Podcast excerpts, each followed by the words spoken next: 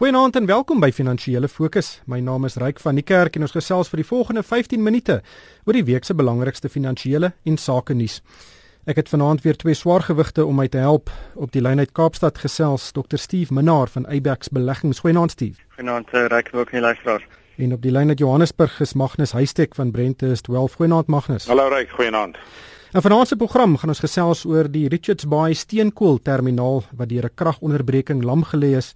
Susan Shabangu, die minister van minerale bronne, het 'n uiters omstrede toespraak by die Afrika Mynbou Indaba in Kaapstad gelewer en dan duur die staking in die platinumbedryf voort.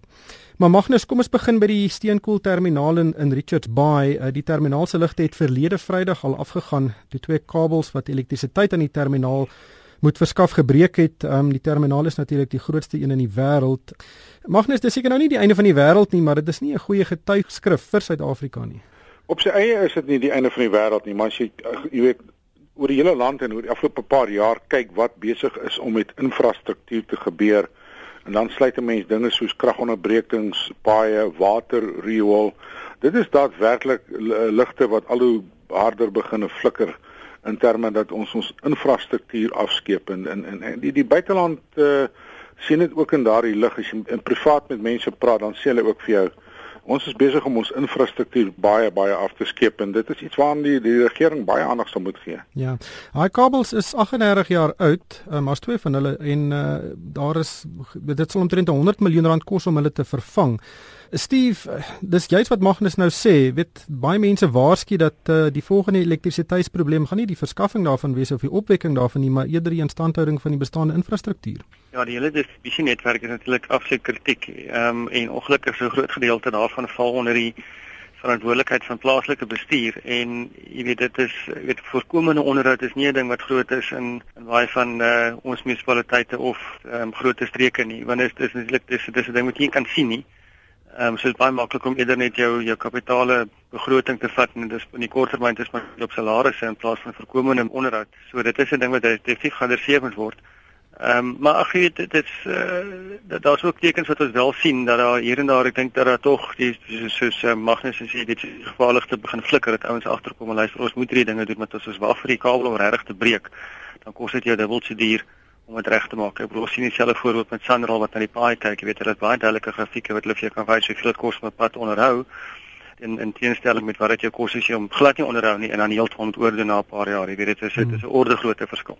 Wel as jy ligte flikker moet daar ten minste elektrisiteit wees om hulle te laat flikker. Uh Steve, uh die Afrika Mynbou en daarby daar hierdie week in Kaapstad plaasgevind en is een van die grootste mynbou beleggingskonferensies in die wêreld. Uh weet daar's verteenwoordigers van meer as 1500 mynmaatskappye reg oor die wêreld wat in Kaapstad saamtrek en dit is gewis 'n groot venster vir beleggingsgeleenthede in Afrika en en veral vir Suid-Afrika in die mynboubedryf. Maar die groot nuus van die konferensie was nie eintlik goeie nuus nie. Dit was dat Susan Shabangu, um, die minister van minerale bronne, het in 'n openingstoespraak 'n baie rooskleurige prentjie van die mynbedryf geskets. Dit natuurlik met die doel om beleggings te lok. Maar ongelukkig het hierdie uh, toespraak baie kritiek ontlok omdat dit nie 'n akkurate weerspieëling van die werklikheid is nie. Ehm um, wat is jou siening van wat sy gesê het?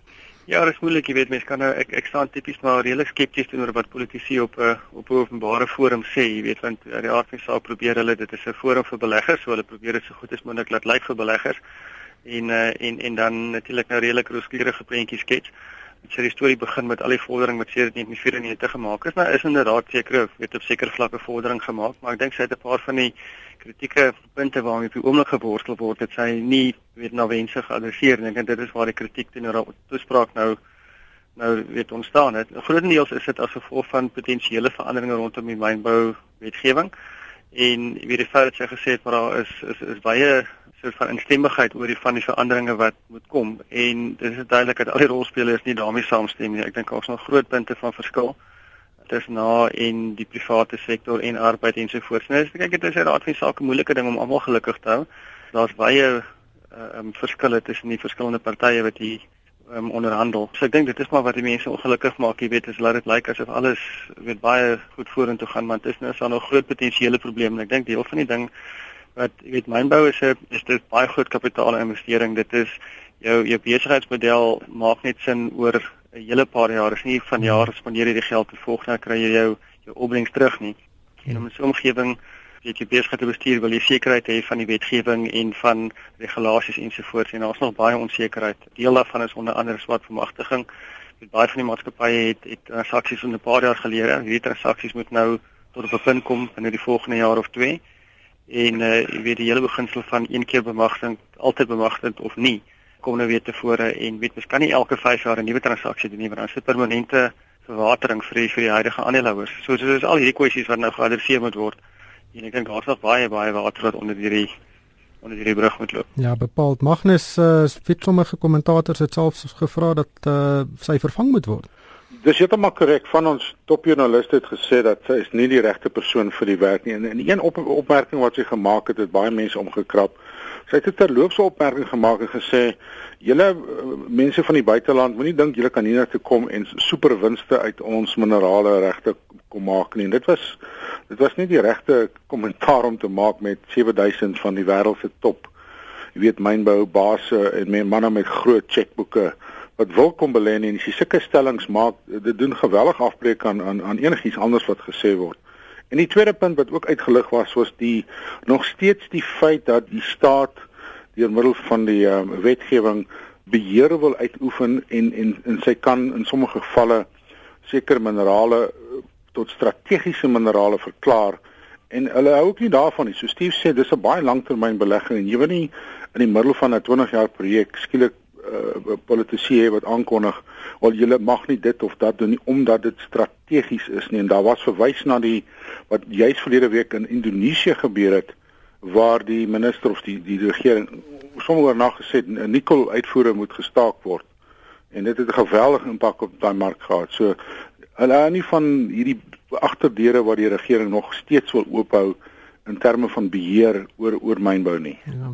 Wel een van die strukturele probleme in die mynbou sektor Steve is uh is is die stakings wat ons nou sien en daar's op die oomblik 70000 werkers wat staak by die drie grootste platinum myne in die wêreld. Uh dis Anglo's, Anglo Platinum, Impala en Northam. Uh, die staking duur al 2 weke en dit lyk nie asof daai staking binnekort uh, gaan eindig nie. Die partye is baie ver uit mekaar uit. Ja, en dit is spesifiek net met die nuwe Unie Amco wat nou hulle stem dik maak daar en ek dink hulle het hulle selfs al in 'n hoek toegeverf van hierdie hele proses want hulle het seker groot beloftes gemaak vir die potensiële nuwe lede om hulle weg te rokkel van die bestaande unies af. Nou kan hulle teruggaan en net sê goed, kom ons kry maar ooreenkomste wat dieselfde is as as as noems en nie. Hulle moet nou eintlik, jy weet, half vas staan en sê ons gaan 'n baie beter uh, loon situasie vir hulle kan kan onderhandel maar ek, ek daar daar is net nie onderhandeling nie. Hulle sê ons soek soveel en die maatskappy sê ons kan net weet 'n minder bedrag bekostig en dit is vir almal vas staan jy weet so dit is eintlik 'n dit is totaal en al onaanvaarbare situasie. Ek dink jy weet daar sou hoeveel keer die somme gedoen. As jy kyk hoeveel werkers werklik waar verloor in terme van elke dag wat hulle nie betaal word nie versus die bietjie ekstra wat hulle miskien kan wurg uit die proses uit dan maak dit glad nie sin om so lank te staak nie. So ek dink is maar 'n groot armdruk spel tussen die verskillende unies om te kyk wie kan die meeste wurg Ehm um, die regering probeer ook help en mense weet weer eens nie presies wat hulle motiewe is nie. Ehm um, is redelik duidelik dat AMCO nie ondersteuning is van die regering nie. So jy weet nie hoekom dit is mm. dalk dat die regering sê ons aan die kant weet probeer 'n middelaar te speel nie, maar hulle doen dit nie andersins nie. Daar is nou baie politieke ryre aan die gang hierso. Ja, die politieke geur maak dit eintlik baie meer ingewikkeld want Joseph Matunja is hoof van AMCO Um, het jy hierdie week gesê hy vertrou nie die proses van die regering om hierdie situasie te besleg nie omdat uh, dit gelei word deur Galema Motlanthe die adjunk president en natuurlik is die ANC baie nou gekoppel aan die NUM. Uh, Magnus, dit maak regtig hierdie situasie baie meer ingewikkeld. Dit maak dit baie meer ingewikkeld en maak dit ook baie moeilik vir buitestanders soos myself en Steve en ander mense om presies te weet wat werklik die agter die skerms aan die gang is. Wat is die motiewe? Is dit geld? Is dit politiek? Is dit mag en, en dit dit maak dit baie moeilik vir ons om presies te verstaan wat daar aan die gang is. Hmm. En en dan het ons hierdie ongeluk by Harmony Gold gesien die week. 'n Hele klomp mense is dood. Die mynbedrywighede is opgeskort en ironies genoeg het Harmony 'n dag of twee voor die ongeluk oor sy veiligheidsrekord gespog. Uh Magnus, maar dis eintlik 'n hartseer verhaal hier. Dit is 'n hartseer verhaal en wys jy maar net dat jy weet enige mynboubedryf vir al ons ons myne wat ouer en ouer word is 'n hoë risiko bedryf en dit is baie jammer maar dit is 'n werklikheid. Hmm. Kom ons gesels 'n bietjie oor die markte. Die JSE het 'n baie goeie week agter die rug um, en dit volg nadat die, die beurs met 5.5% in 'n kort tydperk, ek dink omtrent 2 weke geval het. Steve, is ons vasgevang in 'n nuwe woord wat ek baie van hou en dit is sywaartse wisselvalligheid. Ek vir my 'n nuwe woord om 'n baie ou storie te verduidelik. Ja, ek, ek dink die mense is oor die algemeen is is, is beleggers maar 'n bietjie sienagtig, weet ons het 'n paar baie goeie jare agter die rug. Ehm um, maar die mark geweldig goed gegaan het. Ehm um, weet as mens kyk net na die mark en en subsektore se prysverdienste verhoudinge kan 'n mens nie regtig argumenteer dat ons mark goedkoop is nie. Jy weet, so daar word 'n redelike verdienste groei verdiskonteer in aandelepryse, jy weet. So ek dink die oomblik waar daar so 'n bietjie sprake is van van weet ons tymighede in Suid-Afrika of wêreldmarkte, dan uh, is beleggers masjiene agtig en sit baie vinnig met die vinger op die verkoopknoppie om uh, om 'n bietjie van die winste in te sny.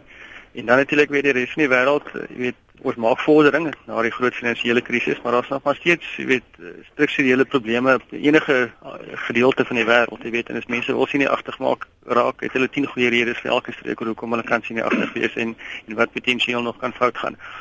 So ja, miskien is dit maar sywaartse wisselvalligheid wat ons kan kry, jy weet, ehm um, soos hulle ook sê in hierdie in hierdie tipe van mark met 'n ouma baas vind op wat se aandele koop en nie noodwendig net sit en en hoop dat die gety inkom en almal se bootjies eweveel oplig nie. Magnus, uh, ons sien baie emosie in die mark. Hy beweeg skerp in in albei rigtings. Vir langtermynbeleggers moet mens maar bietjie op jou tande byt en deur hierdie wisselvalligheid uh, werk.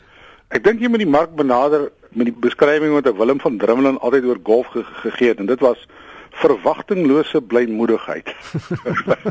so jy moet niks verwag nie en as hy styg moet jy baie bly wees. So ons is in 'n korreksiefase en dit is nogal verbasend dat baie beleggers skielik na 'n 5 jaar bullmark uh, na 2 of 3% daling alles wil onttrek en en, en weer geldmark toe gaan. En jy sê net vir hulle dit is nie dit is nie wat jy doen nie, dis dis emosies. Vergeet daarvan. Gaan stap uh, in die park en vergeet daarvan. Dit is totaal totaal normaal. Jy weet selfs 'n korreksie van 10% is nog steeds normaal, maar baie mense terwyl die mark gestyg het, was baie aggressief in hulle benadering tot markte en toe die mark begin draai skielik is hulle baie konservatief. En dis daai jy weet daai wisselvalligheid waarvan jy nou praat dis 'n emosionele wisselvalligheid. En en baie daarvan kom van beleggers. Skrik onttrek die geld en wat dan? Ons mark word ook gedryf deur weet internasionale ontwikkelings. Uh, soos byvoorbeeld wat hierdie week in in Europa gebeur het. Rentekoerse was onveranderd gelaat en die mark het regtig baie baie aggressief daarop gereageer. Steve Ja, jy weet, eh, dit kom net terug na die vorige punt. Jy weet die wêreld het nog steeds sekere probleme. Jy weet, ek dink as al die probleme opgelos was, hulle weet definitief al begin rentekoerse opstoot. Ehm uh, maar ek dink hulle besef hulle moet nog 'n bietjie stimulus los uh, en en en laat voortgaan. Jy sien nog steeds in Amerika wat hulle besig is om hulle hulle koerse weet of of daai daai sogenaamde tapering proses is 'n baie geleidelike proses om stimulasie weg te haal. So dit weet in, met hierdie agtergrond kan 'n mens weet sien dat dat, dat daar nog steeds 'n paar probleme wat deurgewerk moet word. Ehm um, en dit het 'n invloed op die res van die wêreld. Jy weet, ontleikende ekonomie is ewe skielik nou nie meer so aantreklik nie. Ehm um, as gevolg van ons wisselkoerse wat nou skielik teen die maatskappye gedraai het. Het hierdie week vir die eerste keer 'n verslag gelees wat hulle sê dis 'n wonderlike maatskappy om te beleef want hy het die minste besigheid in ontleikende ekonomie. Terwyl die afgelope 20 jaar was dit tog altyd 'n positiewe ding gewees. So dit draai baie vinnig om. Jy kan maar sien die mense is maar is maar so 'n bietjie sinieagtig. Hmm. Maar daar is nog probleme in die wêreld. Uh, Magnus, dit lyk of 'n uh, eh, die inflasie kan posvat in Europa. Wel, daar's 'n paar makro temas wat tans aan die gang is. Ten eerste is natuurlik die afskaling van eh, kwantitatiewe verruiming wat op sigself 'n uh, uh, uh, beperkende maatreël is. Dan sien die rentekoerse wat verhoog word in plekke soos Indië, China, Suid-Afrika, Brasil wat ook beperkend is op ekonomie en dan Europa as 'n streek sukkel met inflasie in die sin dat inflasie wil net nie styg nie. Hulle teiken is 2% en in die, die jongste syfers was 0,6% en die vrese is dat uh dat hulle dalk in, in minus syfers kan ingaan en dan het jy deflasie en en deflasie is is iets wat baie beleggers nie verstaan nie en dit is 'n totale ander benadering tot beleggings as 'n land of 'n streek of selfs die wêreld in 'n deflasionêre omgewing ingaan.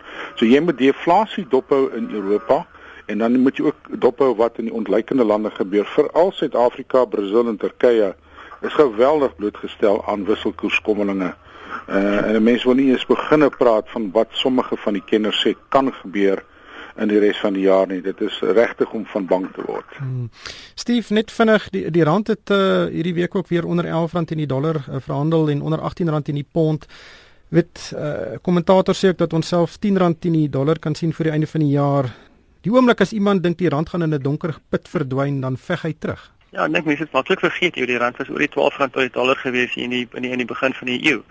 As ons dan dink is die einde van die wêreld, dan moet ons van nooit vir seker of vakansie hou nie.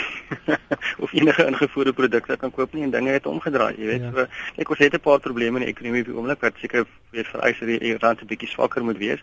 Maar jy weet, die ding beweeg nie in 'n reguit lyn nie. Hy is tipies as 'n pendulum, hy swaai 'n bietjie te veel na die een kant toe en dan trek hy 'n bietjie terug. Dan kyk jy mens maar wat gaan aan met die met die fundamentele syfers of of of tendensie in die ekonomie en na vanaf wat nou weer 'n nuwe koers. So dit is nie onmoontlik dat die mark dat hy 'n rand bietjie versterk hier vanaf vorentoe nie. Hmm. Magnus 'n interessante internasionale storie is dat Nederlandse bankiers moet nou 'n gelofte aflê waarin hulle beloof dat hulle alles in hulle vermoë sal doen om die vertroue in hulle finansiële stelsel te handhaaf en daar's meer as 90 000 van hierdie finansiële persone wat die gelofte moet aflê.